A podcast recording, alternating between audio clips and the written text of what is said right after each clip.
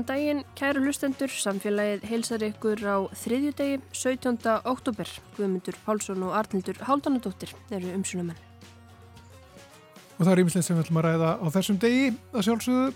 Þann 24. oktober eftir viku munu konur og kvár leggja niður störf í heilan dag til að mótmæla vanmati á vinnuframlegi kvenna og kynbundnu ofbeldi.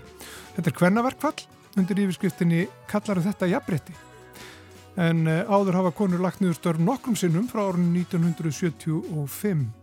Kristín Áskerstóttir, frumkvöðli kvennabartu á Íslandi og Inga Öðbjörg Strömland, viðburastýra kvennaverkfallsins ætla að ræða við okkur um þennan stóra viðburð hér eftir smá stund. Svo tölum við um knattspyrnu og sérstaklega um myrkar hliðar þeirra vinsælu íþróttar. Stefán Pálsson sagfræðingur ferir við þá sögu á hundavæði hér og eftir en hann býr sér nú undir að kenna námskeið um sögu fótbóltans og skugga hliðar þeirra sögu. Svo kemur Anna Sigurður Þráinsdóttir málfarsraðunutur til okkar í lokþáttar í málfarspjall eins og við kallum það. En við byrjum á hvennaverkvalli.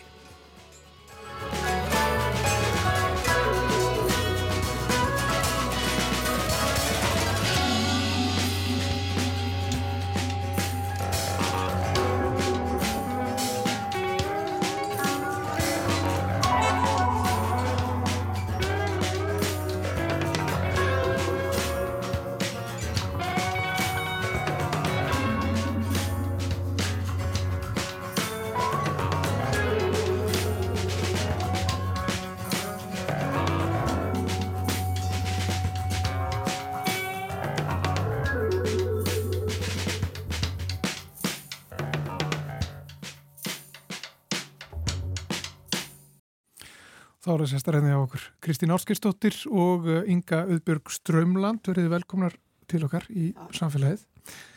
Það er þessi stóri viðbörður sem er framöndan uh, eftir viku, það er hvernaverkvall og um, það er allur dagurinn sem er undir. Og öll nóttin. Og öll nóttin. Já, já, já, já, já. Og, og öll störf uh, hvar svo sem uh, þau kunna að leynast í, í lífinu. Um, vil ég bara kannski til að byrja með bara fara yfir að með okkur hvað stendur til, hvernig, hvernig þetta er hugsað allt saman. Heyrðu já, við hérna hvetjum til þess að konur og kvár leggja niður störf allan sólarhingin 2004. Við höfum svona hinga til fyrir utan kannski í fyrstu skiptin uh, verið að, að taka hvenna frí frá vinnu í eftirmiðdeginu, grundallega á því hvenar að konur eru hættar að vinna fyrir í rauninni í launum af því að, að, að það er uh, launamunur á, á kynjunum. En núna viljum við bara uh, veita því aðtekli að það er fleira en launamöðnurinn, það eru hérna náttúrulega bara vannmatt í, í öllu sínu veldi. Önnurvaktin og þriðjavaktin eins og þetta er oft kallað að konur á heimilunum þurfa að hugsa fyrir flestu og framkoma flest sem að einhvern veginn viðkemur heimilunu og svo er það náttúrulega kynbundið ofbeldi sem er algjör faraldur. Og það verður ekki mælt í mínútum. Þannig að það er allir dagurinn undir. og við vonum bara til, vonumst til þess að sem flest geti eh, farið þarna í verkfall, lagt niður störfin allan daginn og, og komið svo á einhverja viðbyrði sem við erum með á prjónunum. Já, og þeir eru margir viðbyrðir. Þeir eru fjölmarkir og þeir eru um all land. Það verða samstöðufundir á, á mörgum stöðum, Neskopstað, Patró, Ísafyrði, Akureyri og, og fleiri stöðum og svo verða viðbyrðir Uh, að minnstakosti um daginn það verður morgun ganga í kringum tjörnina og, og fyrirlestrar og alls konar kaffihittingar og, og slíkt og svo þarna aðeins í aðdraðandan líka skiltagerð og, og slíkt Já, Kristín já. Þú, þú hefur verið þessar baratu lengi lengi, lengi, uh, lengi, lengi. Uh, sko ef við spólum tilbaka sko til 1975 hefur þá ímyndað er að þetta veri enn eitt uh, hverna verkfallið sem það væri verið að skipulegja 2023? Ekki, nei, ekki þá, ekki þá. Og, og ég hef nú verið að rifja það upp að, að það væri mitt verið að sína hér, í sjónvarpinu þáttu um aðalheiði Bjartfræsdóttur og þar kom svona klipp frá fundinum á, á, á Lækartorki 1975 þar sem hún flutti alveg frábæra ræðu, blaðlaust eins og frækt er og þá sagði hún við erum hér í dag vegna launamýrsettisins og vegna vanmats á störfum hvenna. Mm. Það er kannski ekki orður rétti á mér en hún sagði að þetta var, þetta var meiningin. Núna, tæpum 50 árum síðar, þá erum við í sömu stöðunni og, og mér finnst þetta, sko, þetta sem varðar vanmatið á, á störfum hvernastjætta þá sérstaklega um önnunar stjættana og þá er ég að tala bæði um skólakerfið og, og heilbrið, ekki síst heilbriðiskerfið þar sem að sko er þvílikt álag. Og við sáum það nú svo vel í COVID hvað hva reyndi rosalega á þessar stjettir og, og svo bara sko er alltaf þrjóskast við að leiðrétta þennan, sko, þennan launamun og þetta mat sem að sko mun bara, og ekkert mun, það bytnar á þjóðfélagi, það vantar svo mikið fólk bæði í heilbríðskerfið og til dæmis í leikskólana. Og þetta bytnar á fjölskyldunum, þetta bytnar á atvinnulífinu. Og, og maður tala ekki um einstæðir mæður sem eru nú að berjast í, í, í þessu eða einstæðir feður fyrir nú til. Að, að sko að þetta er bara spurningu vilja að taka á þessu. Það, það þarf ekki að gera það kannski í, í einu skrefi, þetta taka, taka skref, þrjú skref og bara leiðrætta þetta. Þetta er bara spurningu framtíð þjóðfélagsins, velferðarkerfið okkar.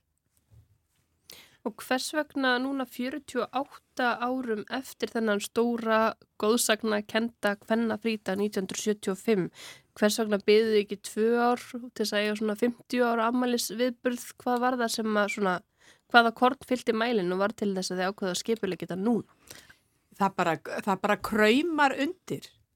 Það, það er bara, þetta reyndar kvennalistakonur held upp á, á 40 ára ammali kvennalistans núna í, í, í vetur og það sem voru alveg gríðarlega miklar umræður og kom í ljós hvað, hvað er ofbáðslega margt sem brennur á konu og þar, þar kom þessi umræða upp og það var bara ákveðið að kýla á þetta Já, við höfum bara engan tíma að missa. Nei. Ég meina, tvö ár eru ansi miklu peningar í lífið hvenna í, í láluna stjettum. Tvö ár eru ansi mörg atvig af kynfyrsofbeldi. Tvö ár eru bara gríðarlega langur tími þar sem að konur og kvár verða jáðar setta að feðraveldinu.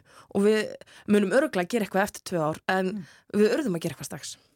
Hvernig gekk að skapa og hvernig gengur? Að þetta er náttúrulega ekki orðað veruleika það er vika í þetta og þeir eru vantilega á fullu núna þessum standið að þessu að reyna að fá fólk til að flikjast á austufull og aðra samstöðufundi. Hvernig Arnarhól. gengur að skapa Ar Arnarhól afsakið, hvernig gengur að skapa þessa samstöðu núna miða við árið 1975 Já, ég var náttúrulega ekki lifandi 1975 þannig ég hef ekki hugmynd um það. En það er gríðarlega samstæða. Það er stemming í þjóðfélaginu, uh, fólk af öllum stjættum er að hérna, reyna að skipulegja sig og, og, og allar að leggja niður störf. Uh, við fáum gríðarlega mikið af fyrirspurningum um hvað hva get ég gert og, og má ég vera með og hérna, það er komin hérna Facebook-hópur sem bara blæs og blæs og blæs út Og, og já, þú mátt vera með og þú, uh, fólk gerir það best með því bara að fara ekki neitt án þess að minnast á þetta. Þegar þú ferði klippingu, taktu þá hérna ræðuna og spurðu hvort það sé búið að gera ráð fyrir þessum degi og, og slíkt. Þannig að við meðum ekki við því að fólk viti ekki af þessu. Ég held að viti nú sem betur fer allir, allir að þessu og ég held að það sé líka sambærilegt sko við 1975 að, að sko, það, þetta svona magnast magnast upp þín, þín nær sem dregur. Það, tek, það tekur smá tíma að, að byggja stemningu og auðvitað eru ymsir vinnustæðir sem það þurfa virkilega að skoða þetta, hvað gerum við? Og það eru auðvitað, auðvitað til staðin eins og við klumum segja bara landsbítalinn það sem auðvitað verður að vera neyðarvakt. Verð, það, ekki, það get ekki allir farið og eflaust kannski slökkuliðið að ég svo sem veit ekki hvað sko en, en það auðvitað verður, verður bara taka á því eins og hægt er. En við mhm. eigum vona góður í þáttöku ekki spurning. Þetta er náttúrulega svolítið öðruvísi núna og kannski með þess að spyrja út í samstöðuna því að nú er þetta heil sólarringur en ekki bara eitthvað svona já, ég förum hérna, heim og vinnunni tveim tímum eh, niður á, á Ardarhól á, á fund tveim tímum fyrr. Þannig að þess að veldi fyrir mig hvort að hafi verið svona erfiðara að, að sannfæra alla og, og svona og einsþá kannski aðtunurögundur. Þegar ég held að af því þetta telst talsverðar endurskipulagningar og talsverðar fyrirhyggju þá sé í rauninni fólk bara meðvitaðara fyrr og, og, og þess heldur bara peppara sko.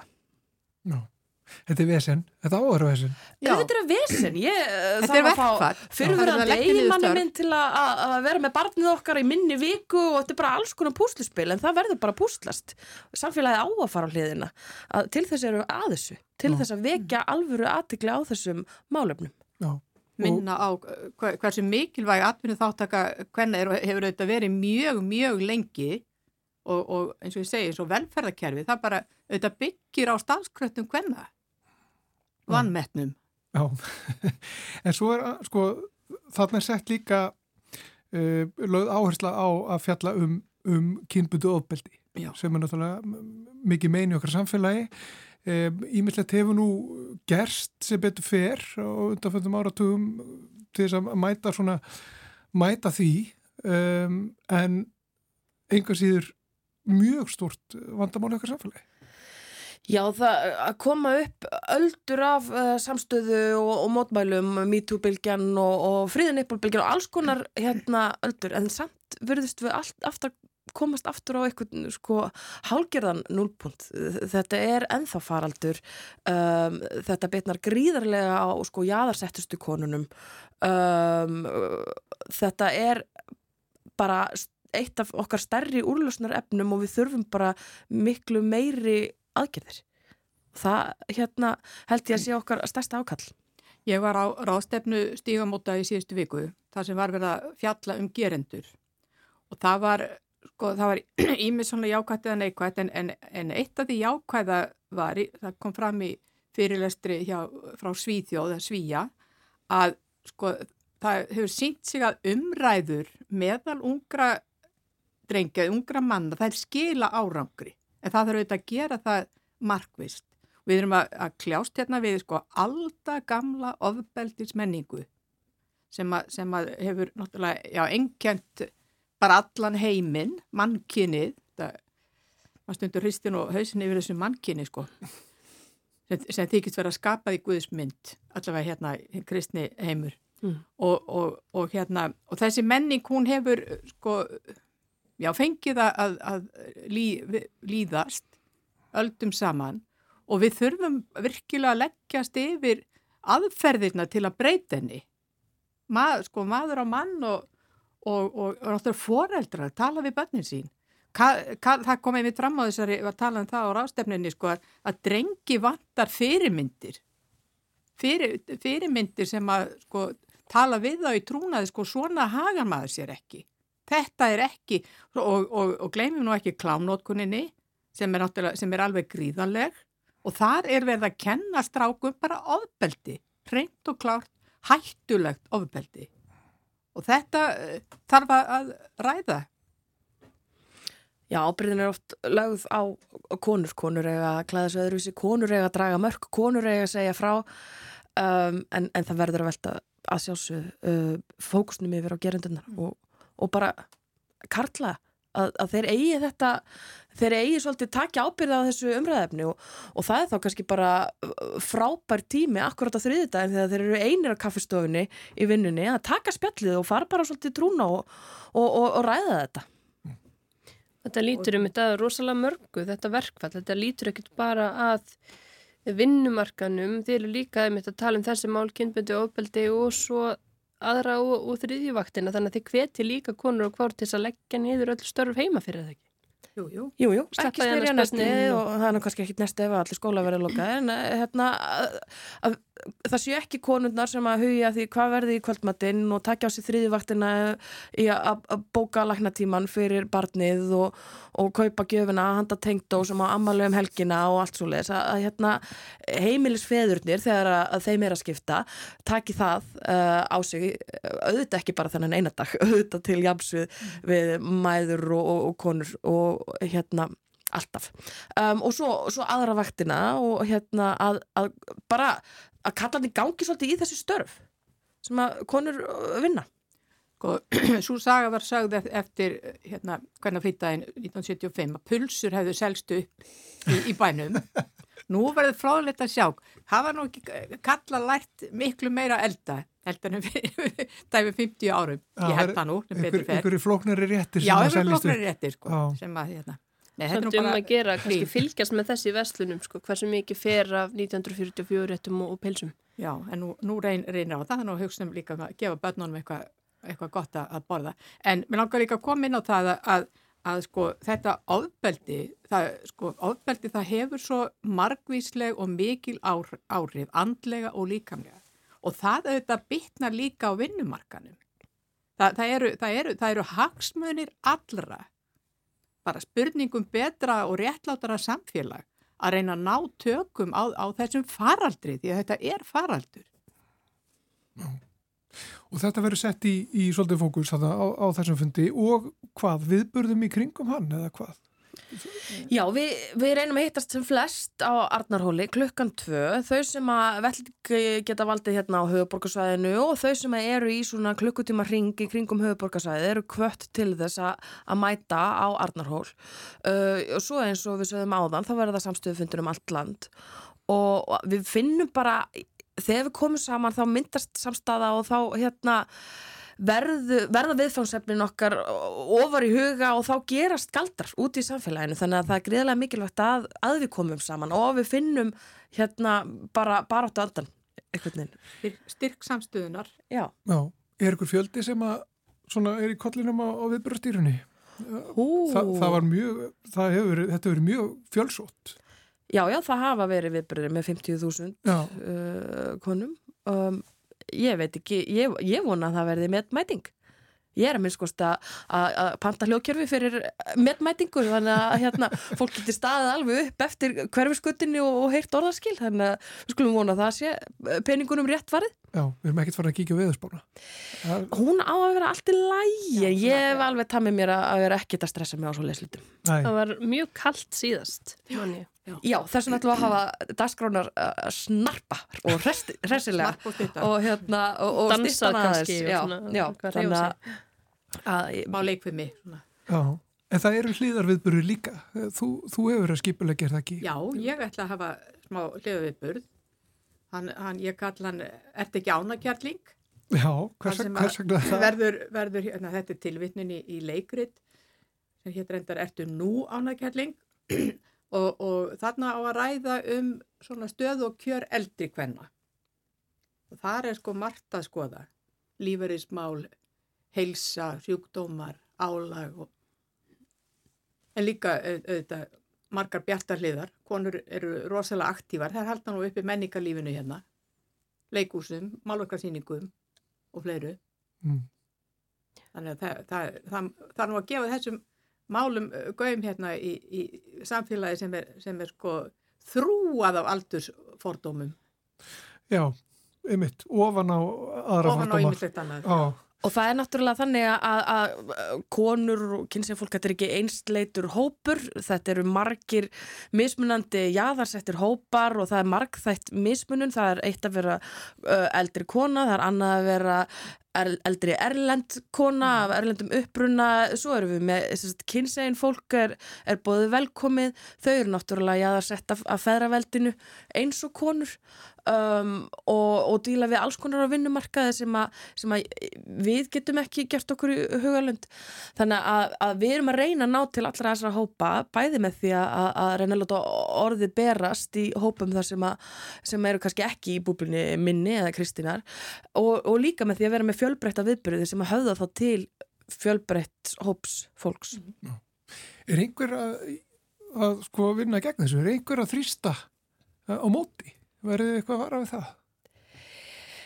Það er náttúrulega um, sumum sem að finnst heilstagsverkvall eh, kannski svolítið yfir strikið í, í hérna, því hvernig það þvælist fyrir atriðulífinu en, en það er bara ágætt. Það er ágætt að mæta uh, hindrunum því að þá bara fylgjum við liði og, og, og ítum þeim í burtu. Ég það bara segir, við getum ekki án eitthvað verið.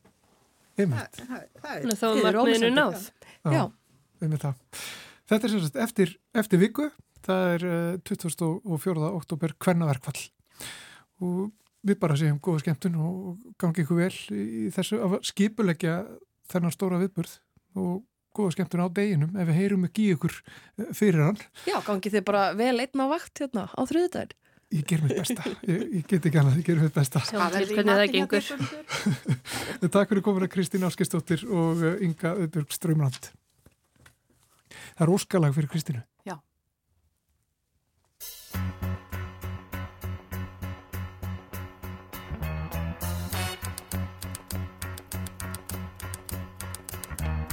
Tumble out of bed and I stumble to the kitchen. Pour myself a cup of ambition and yawn and stretch and try to come to life. Jump in the shower and the blood starts pumping. Out on the streets, the traffic starts jumping with folks like me on the job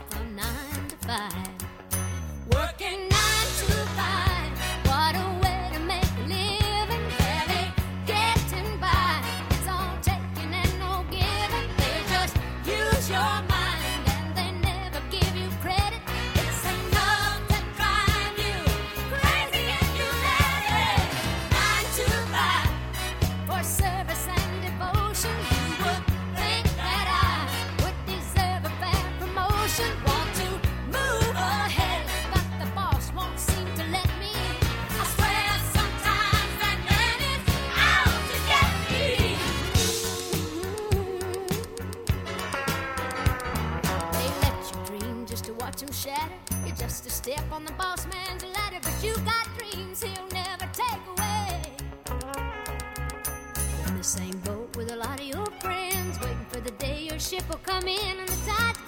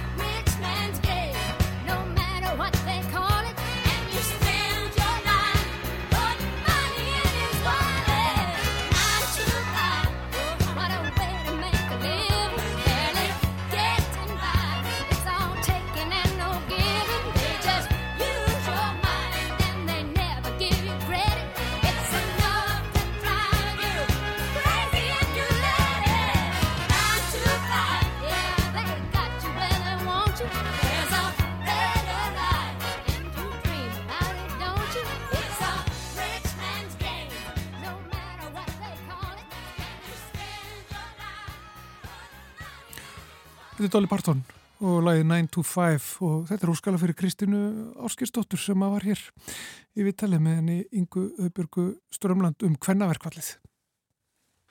Við ætlum að tala næstu mínútundar um fótbolta.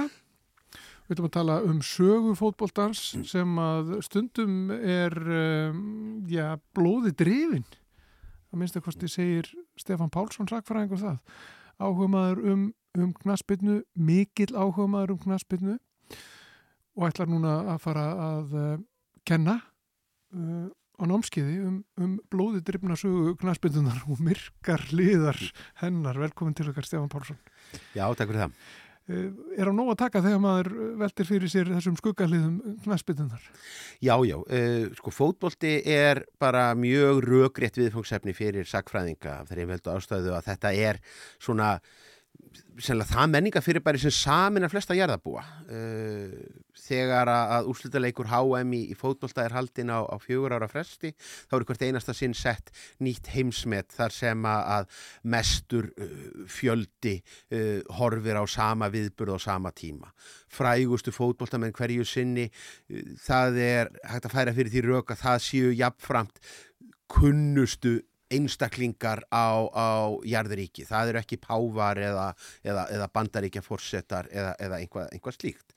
Þannig að þessu fylgir náttúrulega, uh, þessu fylgir glamur uh, og, og, og, og þessu fylgir uh, fræð og þegar að, að það kemur uh, saman, að þá er nú stutt í að, að já, bæði svona myrkra öll vilji, vilji tengja sig þessu, stjórnmálamenn, við höfum ímistæmi um það í, í, í sögunni að uh, fótboltinn hafi verið notaður sem drivkraftur bæði svona kannski undir jákvæðum formerkjum sem saminningatákn og, og, og í tengslum í sjálfstæðisbaráttu og svo líka af, af einræðis herrum og, og allræðistjórnum sem að, reyna að nota þessa vinsælu íþrótt til að styrkja völd sín. Já. Eh, Hvernig byrtist þú okkur bara í dag? Eh, Sko, ég veit að þú ætlar að kafa í söguna. Mm. Hvar eru við núna þegar að kemur að, að, að eh, svona, þegar við erum að velta fyrir okkur þessum, þessum skuggaliðum? Ég meina í dag uh, sjáum við, við það að, að uh, fótbolta lið uh, hafa, hafa bara sömu stöðu og, og kannski arabískir velhlaupa hestar höfðu fyrir auðkýfinga 19. aldar þar sem að, uh, ríkasta fólk heims á, á, þeim tíma kappkostaði að eiga uh, fínasta hestin í, í hérna askot veðreiðunum í, í, í, Bretlandi. Uh, í dag þá eru uh, eru hérna ólíkarkar og, og, og hérna auðkýmingar hvarvetna þeir reyna eiga vinsælustu fótbollaliðin ekki vegna þess að þetta sé endilega svo mikil fjárfesting sem, sem viðskiptatækifæri eru fótbolltalið eiginlega algjörlega glötuð og nánast mjög erfitt að- skila hagnaði vegna þess að þú getur alltaf brent upp meiri peningum, þú getur alltaf keift dýrari leikmenn, uh, borgað meira, stuðningsmennir eru aldrei sáttir. Þetta eru svona uh, þessi óeiginlegu hérna þessi, óeiginlegi hagnaður. Uh, menn höfðu lengi að- orði að, að, að Chelsea, fótballtaliðið, hefði rauninni verið bara líftrygging Abramovits þar sem að, að það var í rauninni svona ég, það, það, það, það, var ekki háska minnsta starf í heimi að vera rúsneskur ólíkarki þar sem að, eh, menn, menn gáttu auð, auðveldlega eh, fallið út um, út um glugga á, á, á hérna hár, hári hæð og, og því var haldið fram að, í rauninni með því að, að, eiga fótboltalið sem að, nýti þessarar aðtikli og, og, og, vinsældar að þá tryggði hann sér það í rauninni að hann væri að mörguleiti ósnertanlegur uh, stúkurnar á eh, fínumanna stúkurnar á, á, á fótboltavöllunum eru uh, vettvangur þar sem að uh, já, ímiskonar uh, aðilum sem að fengi nú kannski ekki áheyrt hjá uh, þjóðhöfðingjum eða, eða valdamönnum að þar gefst þeim færi á að, að hitta þá í, í koktelbóðum og, og, og, og borða snittur vegna þess að það er félagslega viðurkend að gera það í þessu samhengi fótballtans. Já. Og svo sjáum við náttúrulega uh, olíu fyrsta dæmin við, við, við, persaflóa sem að, að uh, nota þetta í, í stórum stíl bæði til þess að kaupa sér svona félagslegt auðmagn eh, til þess að, kaupa sér uh, vinsældir og, og bara til þess að komast að borðinu. Mhm. En pólitikinn sko innan knaspinnunar, það, það er hérna þetta stóra samband sem er FIFA, þar hefur nú ímislegt eh, svona, hefur að segja, e, misjamt eh, gengið á í gegnum tíðina og, og komið upp ímis spillingamál og, og, fleira. Það, það er náttúrulega svo sem uh, marg rakin svo saga sem að, að tengist alþjóða uh, knatsbyrnu reyfingunni sem að er í rauninni alveg magnaðar haft í huga að uh, FIFA, alþjóða, alþjóða knatsbyrnu sambandið, var nánast bara eins og skúfa eða bara svona pínulítil sko, skrifstofa inn af uh, kontornum hjá enska knaspinu-sambandinu uh, ótrúlega lengi frameftir. Uh, þetta var þannig að aðildarfélög uh, alþjóða knaspinu-sambandi styrtur hreinlega að borga félagsgjöld til þess að, að reka sjoppuna, uh, heimsmystaramót þegar að, að, að þau voru haldin, uh, þau voru, uh, já, fyrst og fremst ég- ég- þau leitir unni kannski frekar útgjöld yfir þá sem að, að, að það gerðu. Það tókst að dekstra þjóðir til þess að halda 16 liða heimsmyndstaramót og aðal tekjulindin var míðasalan á vellin þannig að, e, þess vegna var mikil andstaða við það að hleypa inn liðum úr, úr, úr þriðja heiminum eða, eða stækka þessi, þessi mót. E, þegar að e, svona snjallir peningamenn á 8. áratugnum með tilkomu sjónvarpsins með beinum útsendingum, með gerfinata sendingum á, á, á fótbolta og því þegar að Íþróttarhefingin áttar sig á því að hún getur selt allt. Hún getur leitað styrtar aðila, þetta byrjar á að ólimpjurhefingin fer þessa leið. Uh, það er sérstaklega en nú talað um ólimpjuleikana í Los Angeles 1984 þar sem að var hinn ofinberi tampustileikana og, og, og, og kóladrykkur og popcorn og hvað ekki.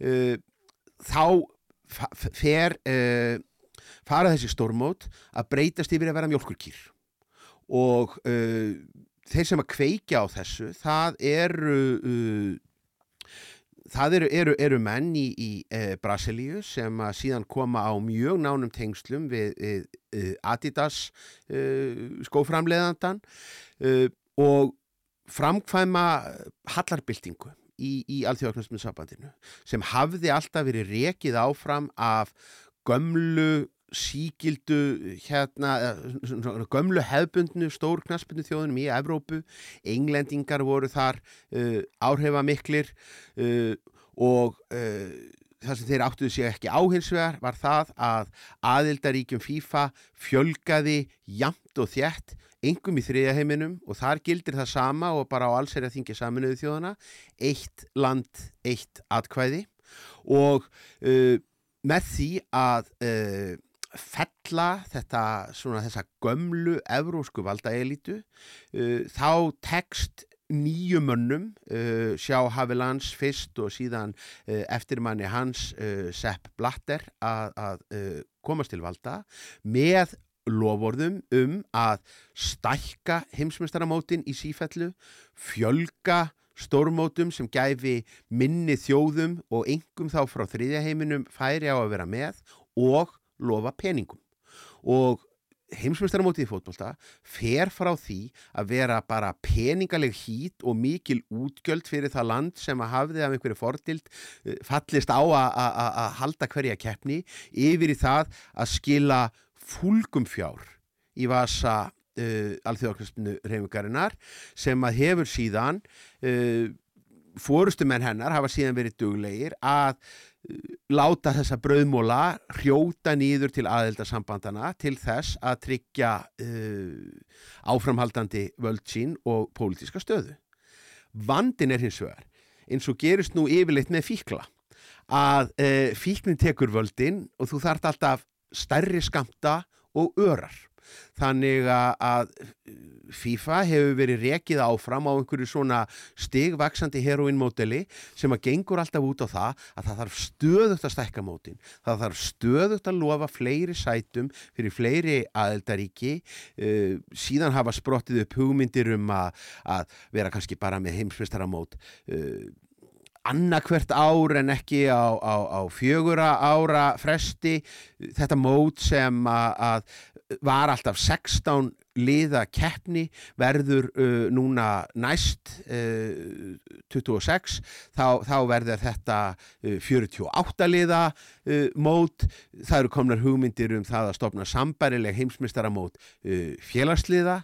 Og afliðingin hefur orðið svo að til þess að geta viðhaldi þessu sífældavakstamótili að þá hefur knaspnur hefingin í, í, svona með, með tímanum lendi þeirri stöðu að hún getur orðið sífælt minna kræsin á þá samstarfsfélaga og þá bólfélaga sem að henni e, býðst sem hefur tekið á sig þær myndir að við höfum séð heimsmyndstarmóthaldin í Rúslandi, í Katar e, núna, núna síðast og, og e, allra nýjustu fréttinnar því að margir svona hrósuðu happi þegar að Sepp Blatter var hrakin frá völdum í, í, í FIFA og, og já, reyndar gamli endurskoðandinans tók við, við, við völdum sem var nú kannski frekar ótrúverðugur bildingamæður Infantino að hans nýjasta afreg sem að fór nú í gegn nánast í kyrþei fyrir í, í þessu mánuði var það að eh, koma því þannig fyrir að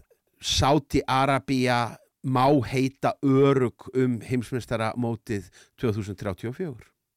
Já. Gjör það vel. Og ef við stöldrum aðeins við uh, Sáti Arabíu, þar hafa uh, félög Mm. keift sem eru í eigu náttúrulega auðura manna uh, keift mikið af bara bestu fótboltamönnum heims þegar þeir svona eru aðeins farnir að að huga því að kannski kannski uh, leta sér eh, lífið á eitthvað nátt eða hvað, eftir, eftir kannski strempin feril?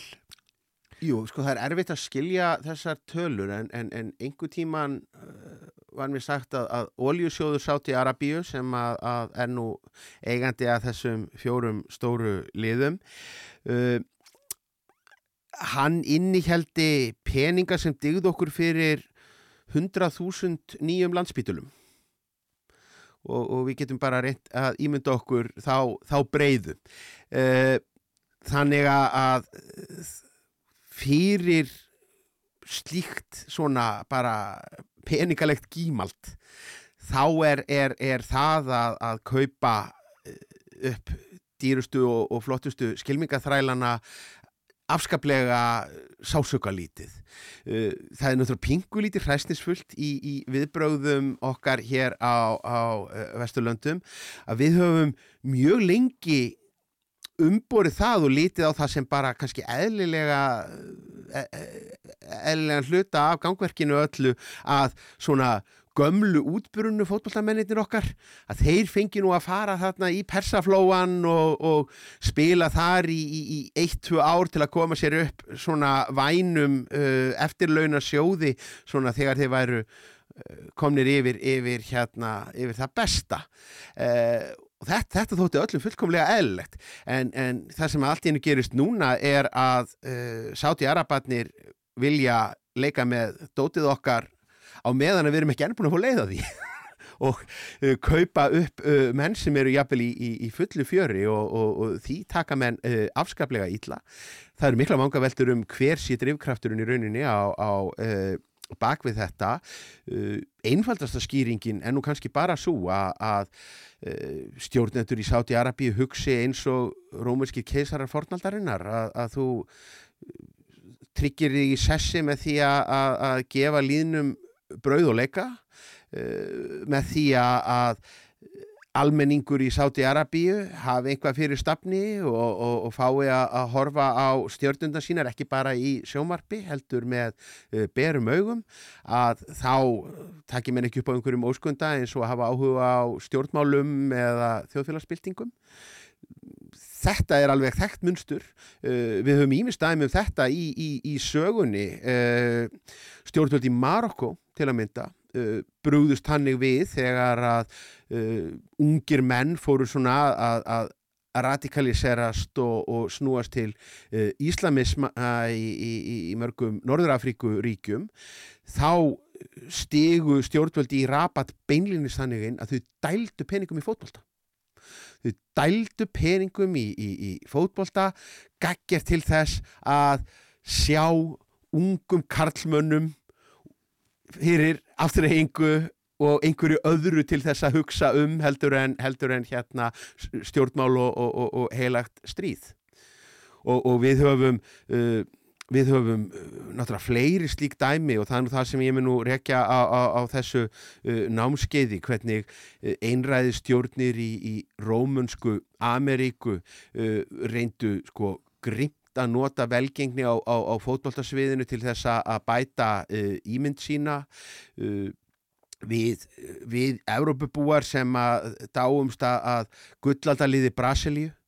Uh, í okkar huga þá er svona kannski toppurinn á tilverunni besta, mögulega besta fótbolltalið allra tíma er brasilíska landslið sem var heimsmeistar í knaspinu 1970 í Mexiko Brasilíumenn sjálfur þeir eiga í dálum erfileikum með þá sögu og þá arfleið vegna þess að það var eiginlega bara þa þá var, var herfóringjastjórn við völd í landinu sem var að herða mjög tökinn beitti fótboltanum mjög ákveðið í sínum hérna áróðri og landsliði var ekki fyrrbúið að uh, vinna heimsveistaratitilinn heldur en að því var flóið til uh, Ríó til þess að- stilla sér upp á myndum með herfóringunum í, í öllum göllunum með sólglerugun og, og, og orðurnar. Og, og uh, margir hafa leigið pele á hálsi fyrir að hafa ekki nota það svona það plattform sem hann gat þó haft sem besti og frægasti knassbytnum aður sögunar til þess að- taka slægin við herfóringjana.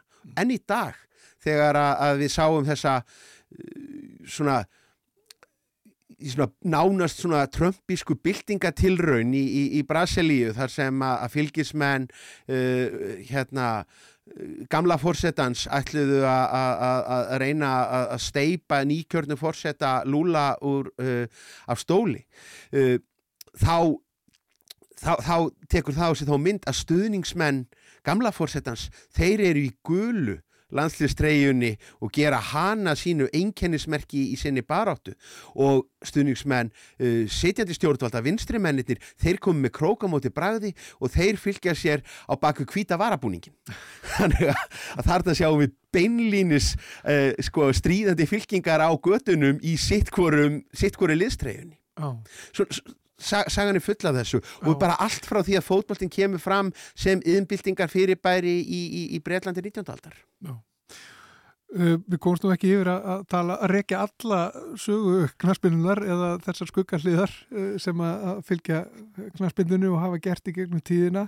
Þú munt gera það á, á námskeið sem þú ert að fara að halda í endurmentun Háskóli Íslands. Já, heyrðu, þetta, eru, þetta eru þrjú kvöld uh, þetta eru mánudagskvöld það er ekkert að gera á mánudagum ha, hérna búið klukkan tíu þannig að mér ná heim í silfrið og, já, já.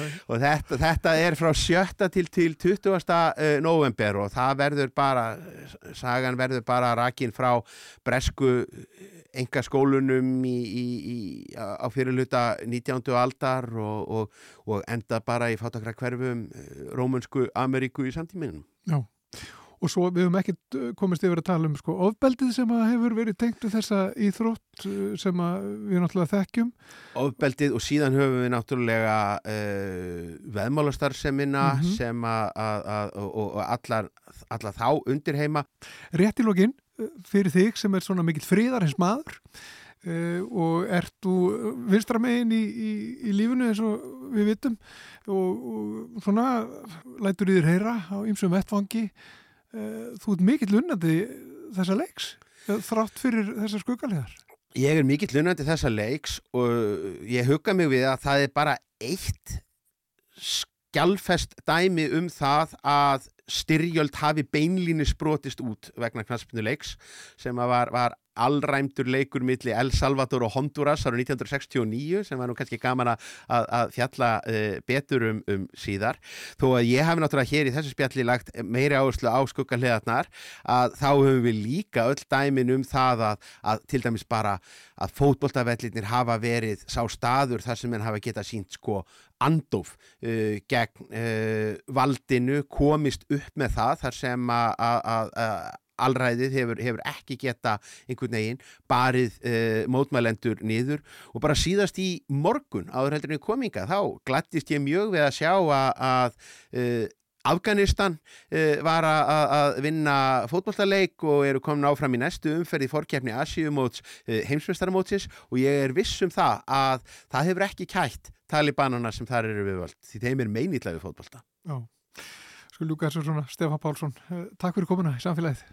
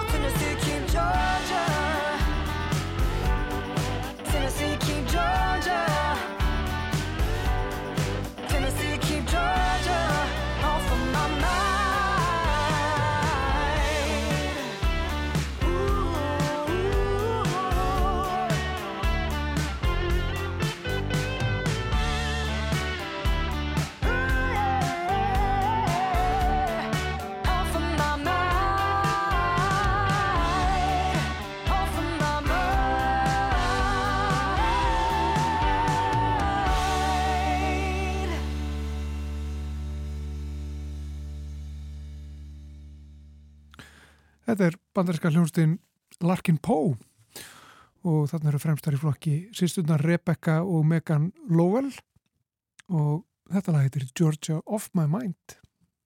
Ekki Georgia On My Mind. Nei, En hún er komin yngað hún Anna Sigriður Þráinsdóttir, uh, málfarsráðunaut Rúf. Við ætlum að spjalla um alls konar, ekki satt, í dag. Jú, hvar viljið þið byrja? Á byrjunni. Byrjum bara á byrjunni. Við vorum eitthvað með Stárunni. einhverjar pælingar um svona orð sem að hljóma svipað en hafa ekki sömu merkingu. Já, eh, ég ræk mig á það í síðustu viku uh, þegar, að, þegar kom úrskurður um, um vanhæfi ráðherra að það var verið að ruggla saman orðunum vanhæfi og vanhæfni og ég fór að skoða það svolítið svona, það eru svona til nokkur orðapör uh, þar sem að orðin eru mjög lík, það munar kannski bara einu hljóði eða einum bókstaf. Og það er orðin svo vanhæfi og vanhæfni sem er ekki alveg sumu merkingar, mér sé að tölvist ólíkra merkingar. Og svo önnur orðapör mætti nefna til dæmis áreiti og áreitni. Og uh, eindæmi og einstæmi sem eru alls ekki sumu merkingar Við kannski hefum bara gott að fara aðeins yfir það, bara hvað, hver merkingar, hvar merkingar munurinn liggur, eins og til dæmis í vanhæf og vanhæfni. Já, sko hæfi er í rauninni það að vera, að hafa hæfi, sérst vera hæf eða hæfur til að gera eitthvað vegna, hérna, sérst, já, vegna svona ytri aðstæðna. Þannig að vanhæfi, það er, það er oftast að fjölskylda ástæðin, það er ekki hægt að, sérst, viðkomandi getur ekki, eða er ekki hæfur til að vinna einhvert veg, vegna til dæmis fjölskyldu tengsla. Um, það getur líka, það getur snert ímislegt annað vegna fyrri starfa og tengsla sem að tengist því, tengsla, þeirra tengsla sem við það myndast og svo framvegis. Og það á kannski ekki endilega við í stjórnsýslu, það getur átt við á víð, víðari grundvelli svo sem eins og í fjölmiðlum. Mm að frettamenn eru kannski manhæfir til að fjalla um ákveðin mál vegna fyrri starfa eða vegna fyrri, eða vegna fjölskyldu tengsla reynda líka og svo framvegis. Og þetta á líka við um uh, störfra á þeirra dómara, lauruglustjóra uh, og svona annara embættismanna eða kjörina fulltrúa. Og uh, ég veit ekki betur en nú síðast hafi verið fjallað um hæfi biskups til, a, til að taka stjórnsýslu ákvarðanir og en vanhæfni tengist öðrum þáttum, tengist ekki, þetta má ég segja kannski þetta tengist ytri aðstæðum. En eh, vanhæfni tengist sko færni, ef maður hefur ekki færni, til dæmis mentun, þjálfun eða, eða bara eh, aðra eiginleika sem þarf til þess að inna eitthvað verk af hendi, að þá, En fer þetta ekki svolítið saman? Ef maður er vanhæfur, eins og til dæmis í fjölmjölum, til þess að fjalla um eitthvað, já, þú þá getur samt verið mjög færi að, kannski- þú getur samt verið mjög færi að fjalla um tiltekið efni, þú bara getur það ekki að þú hefur ekki hæfið, því skortir hæfið, en þú getur haft hæfnina. Það er, ekki- þannig að þetta er ekki alveg sama. En vandamálið eins og að sérstaklega til dæmis með vanhæfi og vanhæfni er að við nútum sama lýsingarorðið. Þannig að ráðherra er vanhæfur uh, til þess að vinna ákveði verk eða biskup vegna einhverja ytri aðstæðna en, uh, en, en uh, kennari sem tekur að sér tannlæknastörf er, býr ekki verið hæfninni sem þarf til að vera tannlæknir. einmitt. Þannig að þá er hann líka vanhæfur til að vera Já. tannlæknir. þannig að þyrftir hún alltaf að skilgrina nána, sko, segja hvort er þetta að meina hérna, Hæf, hæfnina eða hæfnin hæfið. eða hæfi, já, fyrir svona, við getum náttúrulega oftast ráðið, að- ráðið þetta af samhenginu, en það er svolítið fyndið að sama lýsingarorði skuli við eiga við í báðum hérna, tilvikum. Vegna þess að, en, en, og það er bara, það Já. er í rauninni bara eina af svo skemmtilegu tilviljónum í málinu. En auðvitað eru þau mynduð af sömu rót og þess vegna eru þau svona lík, þessu orð. Og það var nú hrópað hérna á Östuölli fyrir 15 áru síðan, vanhæf ríkistjórn, Já. það var svona Já, eitt hva, slagorðið. hvort var verið að meina hæfni eða hæfi? Í, ríkisstjórnarinnar? ég hef grunum að þar hafi verið að vísa til hæfninar. Já, ég líka. af því, að, af því að þau hafi í rauninni ekki haft á færni sem þyrti til þess að stjórna að það var sérst, kannski krafa almennings að þau viki vegna þess að þau hefði ekki þá hæfni sem þyrti til að stýra landinu Mm hefðu sínt það og sannað Já, með framferði sínu en þá er það kannski meira það heldur en ytri aðstæður sem að, sem að jú, auðvitað höfðu ytri aðstæður áhrif í þeim til, því tilvíki en þetta er allt mjög flókið. Já, en þá er það gott að það er bara sama, sama lýsingur já, já, mitt En svo er líka sko, þetta, þetta er formlegt. já, hæfið er Þa, lögformlegt það er lögformlegt Já. og maður tók eftir núna í þessu, í umfjöldun um uh, þessa uh, ákvörðun eða þessa niðurstöðu umbósmanns alþingis að það var orðasamböndi sko að bresta hæf hæfi, já, og þá innum fór maður að heyra það sko í fréttaflutningi og í fjölmjölum og í umræðum um þetta, þá var fólk að nota þetta orðasambönd, bresta hæfi. Já, en mitt og það hann þýðir, brast hæfi. Já, og þarna ég man ekki eftir að, að þetta hafi verið notað áður í Nei, svona kannski ekki. umfjöllun um hæfi. Nei, en þetta er samt sem áður sko beint, beint búr lögum, þetta orðalag. Þetta og þarna er þú veist þá í rauninni þetta fagmál komið inn í, inn í daglegt tungutak Mhm. landsmanna með fréttum, allt í Já. einu. Og við þurfum öll einhvern veginn að fara að hugsa býtu hvað þýðir að bresta hæfi hér? Hvað þýðir þetta? Og og, og þetta þýðir í rauninni uh, sko að eitthvað breyðist þú hefur ekki það hæfi sem þarf til þess að geta þetta, því brestur þetta hæfi þið hefur það ekki, það hefur svona en það er ekki, það er ekki sagt var vanhæfur það, það, já, það, er, það er ekki kannski endilega orða, ég er nú ekki lesið lögin nákvæmlega, veit ekki hvort það kemur ekki fyrir í lögum en þetta er allavega í lögum. Mm uh, Og og, þá fleiri en einu lögum sko, þetta, þannig að þetta er, þetta er orðasamband sem er notað í lagamáli. Já, en ekki kannski hefur ekki verið mikið notað almennt fyrir en núna en þetta er svolítið svona svipað eins og þegar að fari allt í hennu varð uppreist æru á allra vitorði mm sem að við höfum kannski ekki endilega verið mikið að tala um eða heyrt mikið um í fjölmiðlum fram að því að Kannski- þau mál komu upp á yfirborði. Kannski fyrir að nota þetta meira þá. Ertu, ertu Að hæfi? bresta hæfi. Brestur því hæfi til að gera þetta. Hefur hæfi? eða? Já, En ég- þetta er náttúrulega hæfilegt, svo- samhæfing, þetta kemur, hæfi kemur fyrir í öðrum. já, já, já, já, já, að hæfa, sögnin að hæfa og þetta er, þetta, hún er, marg, hún er fjöl, fjölhæf segja það og, og eða þessi orðstofn og, og þetta er náttúrulega líka bara dæmi um það að við þurfum stundum að velja okkur orð eftir aðstæðum og það að bresta hæfi er frekar, ó, en frekar formlegt orðalag. Uh, og þegar að vera að tala um það í fjölmiðlum þá er verið að hafa það beint upp úr álitinu sem kom frá umbásmanni alþingis til dæmis. En aftur á móti þá uh, þá hérna má segja að í daglegu tali segjum við bara hann er vanhæfur. Eða hún er vanhæf. Ekki hann brestur hæfi Nei, við viljum vera mjög háfleik, þá maður ætti kannski að nota það. það er eðlilegt að þessi nota svona formlegt orð, orðalag í, stjórnsýslunni og í einhverjum opinberum gögnum það er e- líka eðlilegt að það sé tekið upp í fjölmiðlum en það er líka hæstamáta eðlilegt að það sé ekki notað í daglegu tali við kaffibílina eða í strætó Nei, þú verður skemmtilegt svona endrum og eins. Já. En sko, þú nefndi líka eins dæmi og einn dæmi. Já. Hver munum þar?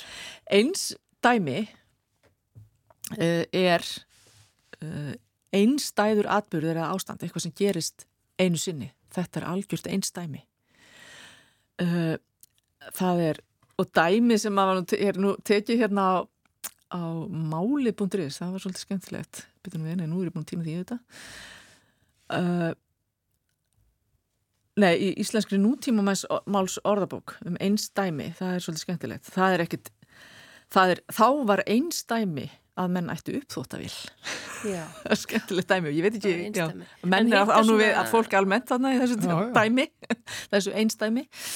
Já, já, en eindæmi, aftur á móti. Það er með eindæmum, hvað þessi einstæmi eru Já, það þýðir í rauninni bara mjög eða sérlega. sérlega. Og, og uh, svo það er sagt svona eitthvað sem með eindæmum og eitthvað svona en það þýðir líka sjálfdæmi eða ábyrð og það þýðir líka uh, ráðríki eða gjörræði samkvæmt orðabókunum. Það er ekki allar, orðabókunar er ekki alveg sammála um hvað þetta þýðir. Þetta er gamla íslenska orðabókin sem er til dæmis inn á snöru.